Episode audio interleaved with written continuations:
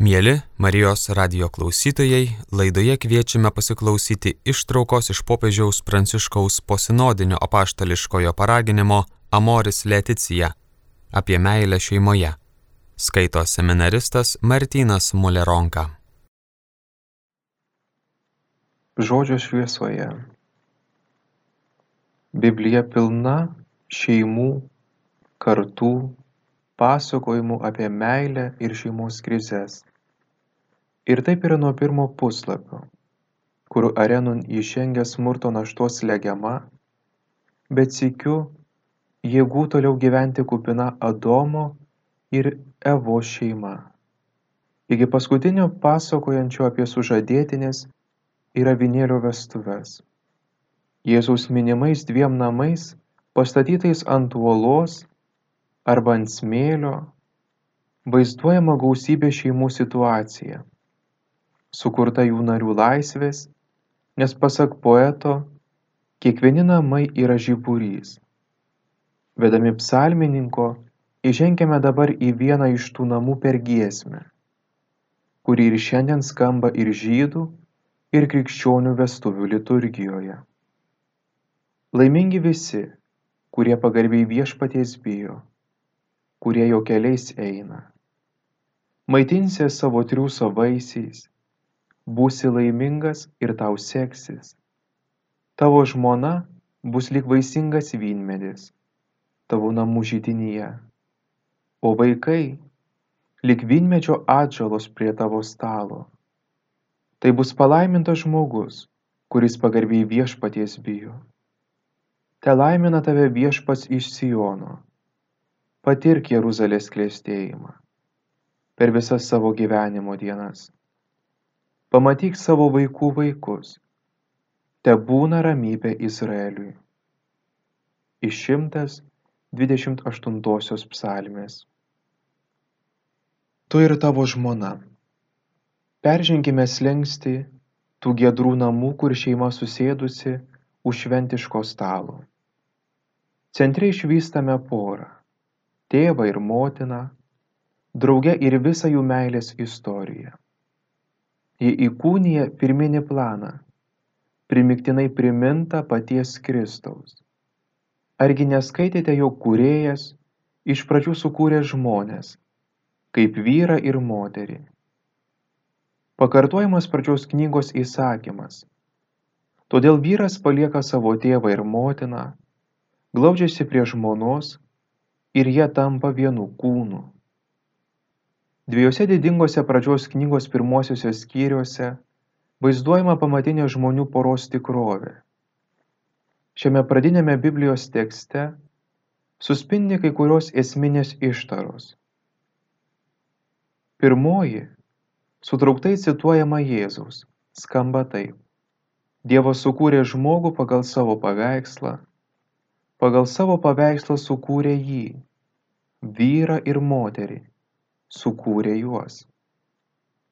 Stebėtina, kad Dievo paveikslas čia susijęjamas su pora, vyru ir moterimi. Ką tai reiškia?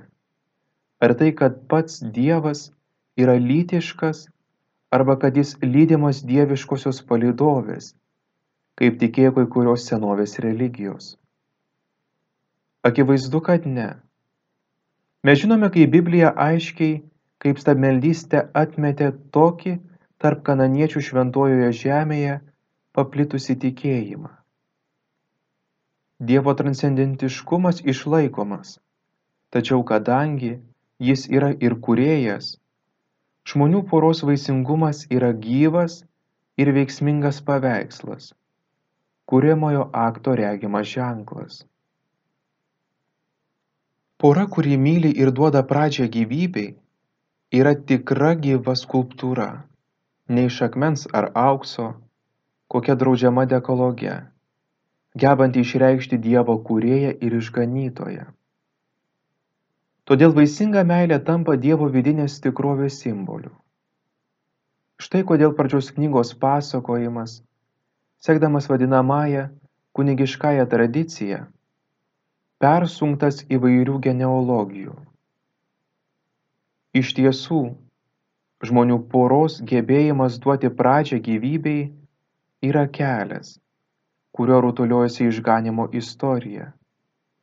Turint tai priešais akis, vaisingas poros santykis tampa įvaizdžių Dievo slėpiniui atrasti bei nusakyti. Slėpiniui, kuris yra pagrindas krikščioniškojo požiūrio į trejybę. Išvelgiančio Dievę tėvą, sūnų ir meilės dvasią. Dievas trejybė yra meilės bendrystė, o šeima jo gyvas atspindys.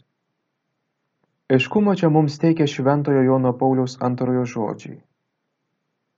Mūsų Dievas savo giliausiame slėpinyje yra ne vienatvė, bet šeima, nes jis kaip toks yra tėvystė, sunystė ir šeimos esmė, kuri yra meilė. Ta meilė dieviškoje šeimoje yra šventoji dvasia. Ta šeima nėra kas nors svetima pačiai dieviškai esmiai. Šis trejybinis poros aspektas naujai išreiškiamas Pauliaus teologijoje. Apaštalui porą susijęs su Kristaus ir bažnyčios vienybės slėpiniu. Tačiau Jėzus, apmastydamas santoką, primena mums kitą pradžios knygos puslapį. Antrą skyrių, kur pateikiamas nuostabus iškalbingų smulkmenų, turtingas poros paveikslas. Paminėsime tik dvi. Pirmoji yra žmogaus nerimas. Jis ieško sautinkamo bendrininko, gebančių išsklaidyti ramybės jam neduodančią vienatvę, kurios nenumaldo gyvūnų bei visos kūrinijos artumas. Originalių hebrajiškų posakių daroma užuomina apie tiesioginį santyki, tarsi veidas į veidą, akis į akį, tyliame dialoge, nes mylint tyla dažnai būna iškalbingesnė nei žodžiai. Tai susitikimas su veidu, su tu atspindinčiu Dievo meilę ir esančiu pasak biblinio išminčiaus, didžiausiu savo vyro turtu. Į panašią pagalbininkę ištikima parama.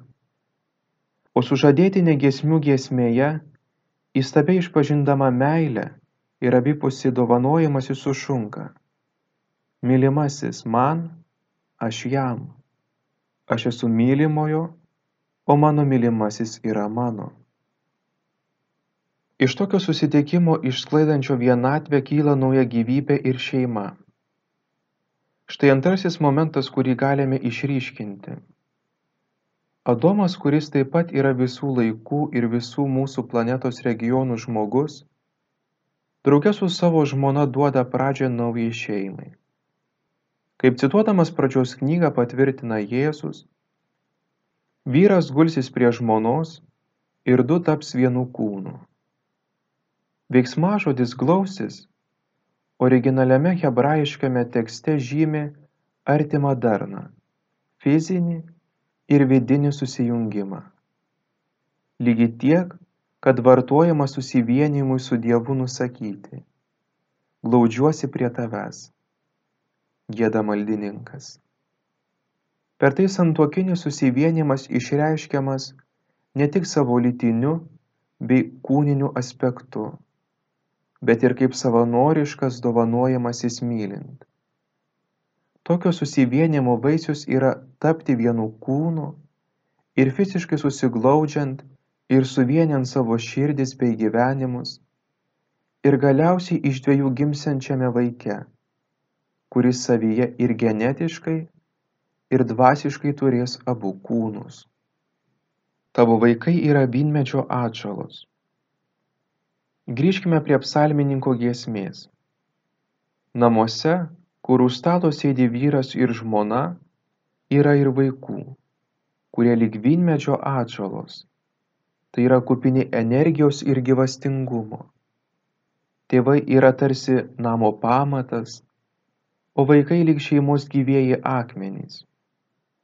Reikšminga, kad Senajame testamente antras pagal dažnumą po dievybę žyminčio žodžio Jahve viešpats yra žodis vaikas, ben sūnus.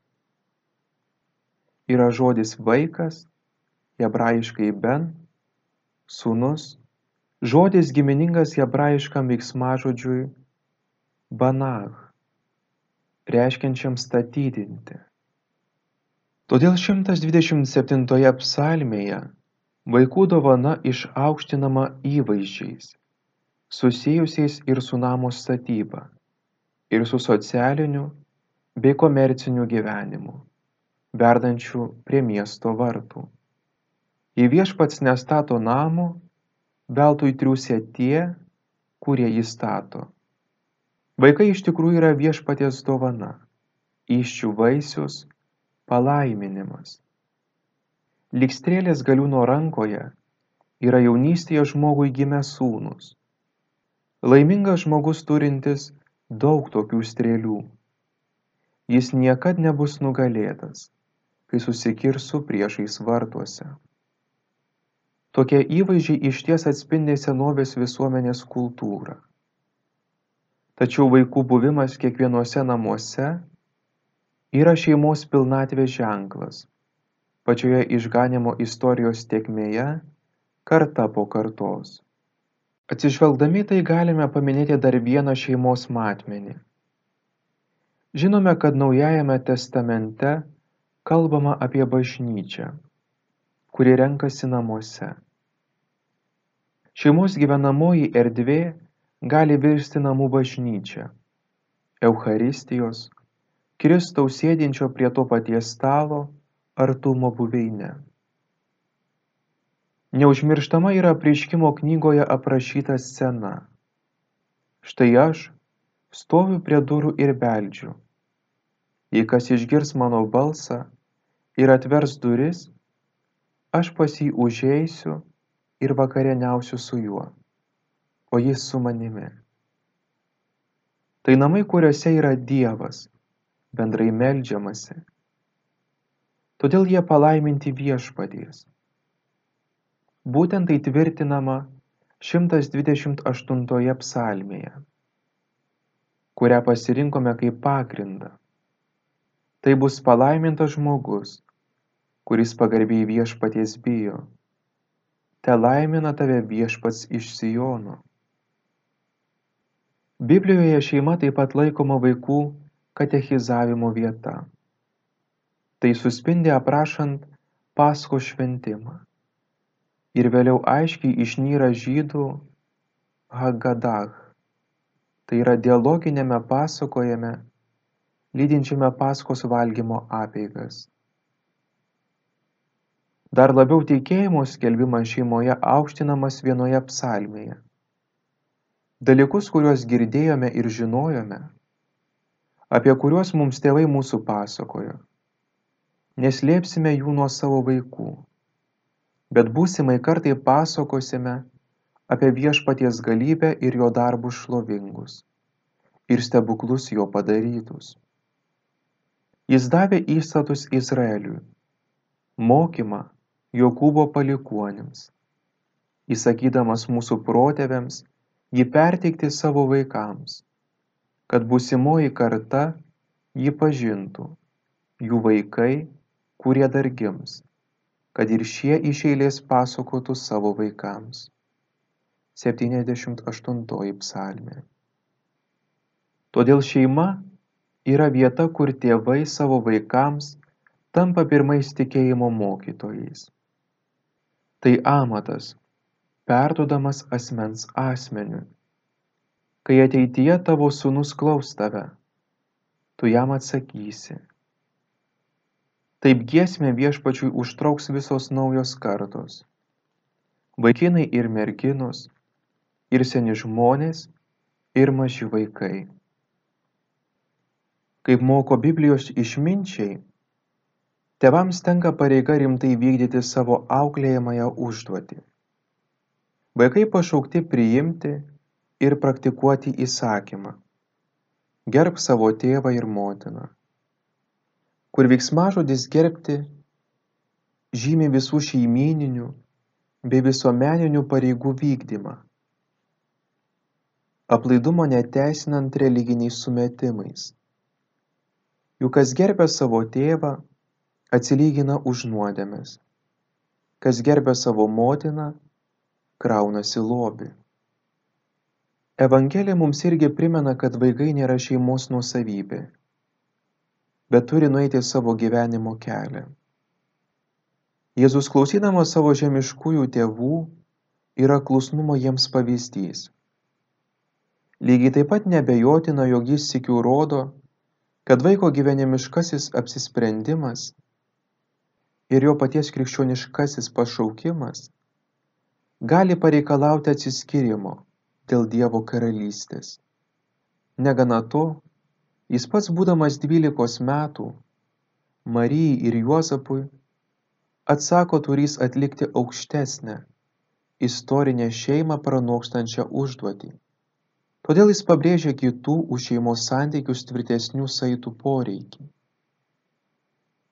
Mano motina ir mano broliai - tai tie, kurie klausosi Dievo žodžio ir jį vykdo. Kita vertus, mažiems vaikams, senovės artimųjų rytų visuomenėje, laikytiems beteisiais subjektais ir šeimos nuosavybės dalimi, Jėzus rodo tokį dėmesį kad dėl jų paprasto bei spontaniško pasitikėjimo kitais net siūlo suaugusiesiems iš jų mokytis. Iš tiesų sakau jums, jeigu neatsiversite ir nepasidarysite kaip vaikai, neįeisite į dangaus karalystę. Taigi, kas pasidarys mažas, kaip šis vaikelis, tas bus didžiausias dangaus karalystėje kančios ir kraujo kelias. Idilija pateikiama 128 psalmėje. Nėra nesuderinama su karčia tikrove, ženklinančia visą šventą įraštą. Ta tikrovė yra šeimos gyvenimą ir jos artima gyvenimo ir meilės bendryste draskantis skausmas, blogis, smurtas nebe pagrindo kristaus kalba apie santuoką pateikta disputo dėl skyrybų kontekste dievo žodyje nuolatos liudijama tas tamsus matmuo atsiveriantis jau pačioje pradžioje kai sulig nuodėme meilės ir tyrumo santykis tarp vyro ir moters virsta valdžia aistringai geisi savo vyro ir jis bus tavo galva. Kančios ir kraujo kelias driekiasi per daugelį Biblijos puslapių. Nuo brol žudiškumo smurto, kai Kainas nužudo savo brolį Abelį, ir nuo įvairių kivirčių tarp Abraomo, Izaoko ir Jokūbo sūnų, bei žmonų tas kelias. Ir nuo įvairių kivirčių tarp Abraomo, izaoko ir jokūbo sūnų bei žmonų tas kelias per kruvinas dovydo šeimos tragedijas tas kelias per kruvinas dovydo šeimos tragedijas atveda iki gausių šeimyninių sunkumų atspindimų pasakojimo apie Tobiją ar likimo valiai palikto Jobo karšto išpažinimo. Nuo manęs jis atitolino mano brolius. Visiškai atšalo, nuo manęs mano pažįstami. Mano žmona bjaurisi mano kvapu. Mano broliams darosi bloga nuo mano smarvės. Jobo knyga, 19 skyrius. Pats Jėzus gimė kuklioje šeimoje, netrukus turėjusioje bėgti į svetimą kraštą jis įžengia į petro namus kuriuose guli serganti pastarojo uošvė. Jis leidžiasi būti įtraukiamas į mirties dramą jairo ir lozoriaus namuose. Išgirsta nevilties kupiną naino našlės šauksmą dėl mirusio sūnaus. Nedideliame kaime atsiliepia į tėvo kurio vaiką kamuoja epilepsija maldavimą. Susitinka su muitininkais, kaip antai su Matu ir Zachiejumi jų namuose. Kalbasi su nusidėjėliais, kaip antai moterimi įsiveržusią į fariziejaus namus. Jėzus pažįsta šeimos būkštavimus bei įtampas ir įtraukia tai į savo palyginimus apie vaikus, kurie palieka tėvų namus ir ieško nuotykių, netinkamai elgesi ar tampa smurto aukomis.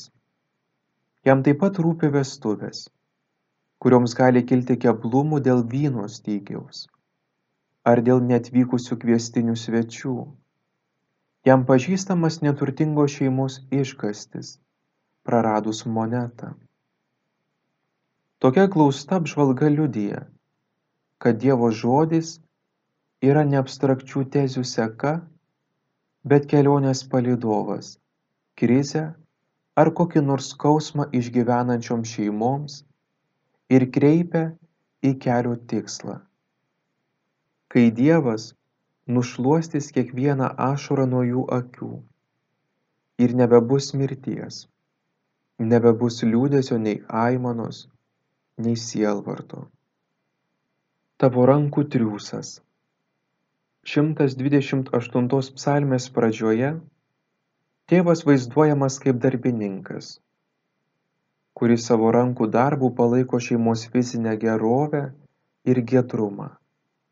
Maitinsie savo triūso vaisiais, būsi laimingas ir tau seksis. Tai, kad darbas yra žmogaus uraus gyvenimo dalis, akivaizdu iš pirmųjų Biblijos puslapių, kur sakoma, viešpats Dievas paėmė žmogų ir apgyvendino jį Edeno sode, kad jį dirbtų ir jo rūpintųsi. Žmogus vaizduojamas kaip darbininkas, kuris sunkiai uždirba duoną, taip pat save ugdo, perkeisdamas medžiagą ir išnaudodamas kūrinijos jėgas. Darbas sykiu leidžia plėtotis visuomeniai, išlaikyti šeimą, laiduoti jos tvirtumą ir vaisingumą. Patirk Jeruzalės klėstėjimą per visas savo gyvenimo dienas. Pamatyk savo vaikų vaikus. Patarlių knygoje taip pat pateikiama motinos užduotis šeimoje. Jos darbas nusakomas visomis kasdienėmis smulkmenomis už kurias ją giria sutuoktinis ir vaikai. Pats apaštalas Paulius didžiavosi gyvenas nebūdamas našta kitiems, nes pragyvendavo iš savo rankų darbo. Jis buvo taip įsitikinęs būtinybę dirbti, kad savo bendruomenėms nustatė geležinę taisyklę. Kas nenori dirbti, te nevalgo. Taigi galime suprasti nedarbo ar nuolatinio darbo stokos sukeliamus kentėjimus.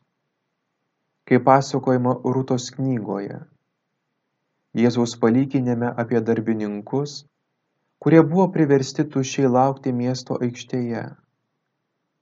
Tai rodo taip pat Jėzaus patirtis sutinkant žmonės, varginamus skurdo ir bado. Deja, ši tikrovė matoma ir šiandien daugelyje šalių, kur darbo galimybių stygius atsiliepia šeimos gyvenimo gedrumui. Nevalia užmiršti nenuodėmė sukeliamo socialinio nuosmukio.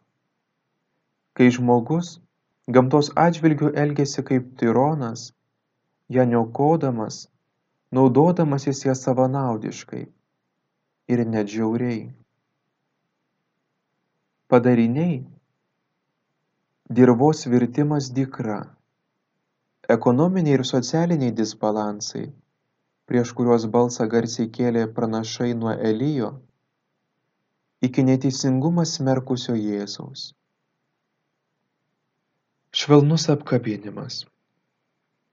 Kristus, kaip skiriama į savo mokinių ženklą, pirmiausia pateikė meilės ir dovanojimuose kitiems įstatymą ir tai padarė nurodydamas principą tėvo ir motinos paprastai įkūnijama savo gyvenime. Nėra didesnės meilės, kaip gyvybę už draugus atiduoti. Meilės vaisius taip pat yra gailestingumas ir atleidimas.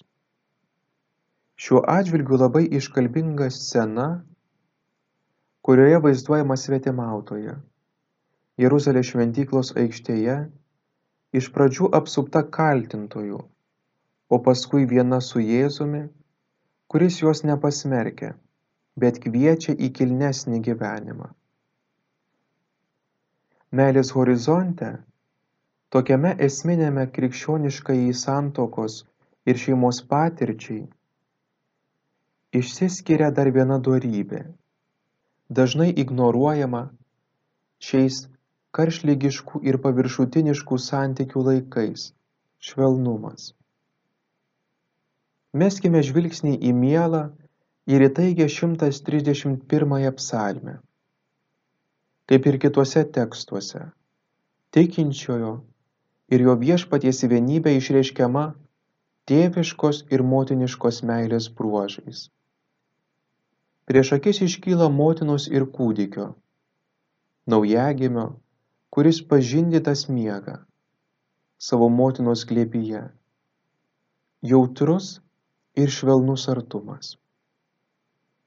Kaip rodo hebrajiškas žodis gamul, kūdikis yra pamaitintas ir dabar sąmoningai laikosi įsitvėręs motinos, kuri jį laiko prie savo krūtinės. Vadinasi, artumas yra sąmoningas o ne vien biologinis. Todėl psalmininkas gieda. Netgi esu patenkintas ir ramus, kaip vaikas ramus ant motinos kelių. Atkreipti dėmesį galime ir į dar vieną sceną, kur pranašas Ozėjas Dievui kaip tėvui į lūpas įdeda šiuos jaudinančius žodžius. Kai Izraelis buvo vaikas, aš jį pamilau, mokiau vaikščioti, savo rankose juos nešiojau. Sėjau juos su savimi pajautų saitais, meilės ryšiais. Buvau jiems kaip tie, kurie glaudžia kūdikius prie skruosto. Nusileidau lygi tų, kad juos pamaitinčiau. Būtent tokiu žvilgsniu apriepiančiu tikėjimą ir meilę, malonę ir įsipareigojimą, žmogiškąją šeimą ir dieviškąją trejybę, žvelgiame į šeimą. Dievo žodžio patikima vyro, moters ir vaikų rankoms. Kad jie taptų asmenų bendryste pagal tėvo, Sūnaus ir Šventosios Dvasios vienybės paveikslą. Būtent tokiu žvilgsniu, apriepiančiu tikėjimą ir meilę, malonę ir įsipareigojimą, žmogiškąją šeimą ir dieviškąją trejybę, žvelgiame į šeimą, Dievo žodžio patikimą vyro, moters ir vaikų rankoms kad jie taptų asmenų bendryste pagal tėvo, sūnaus ir šventosios dvasios vienybės paveikslą.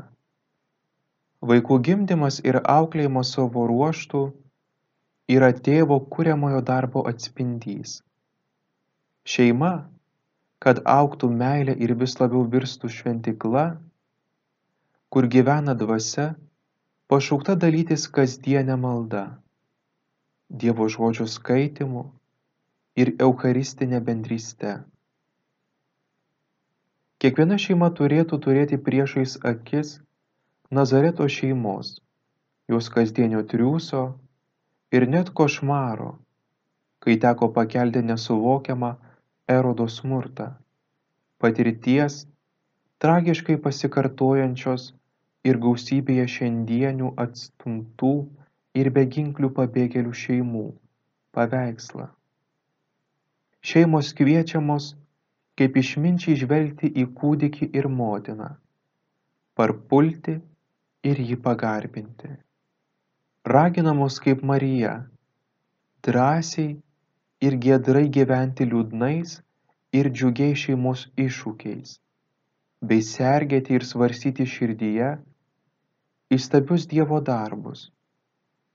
Marijos širdies lobynė yra ir visi kiekvieno iš mūsų šeimos įvykiai, kuriuos jį rūpestingai saugo.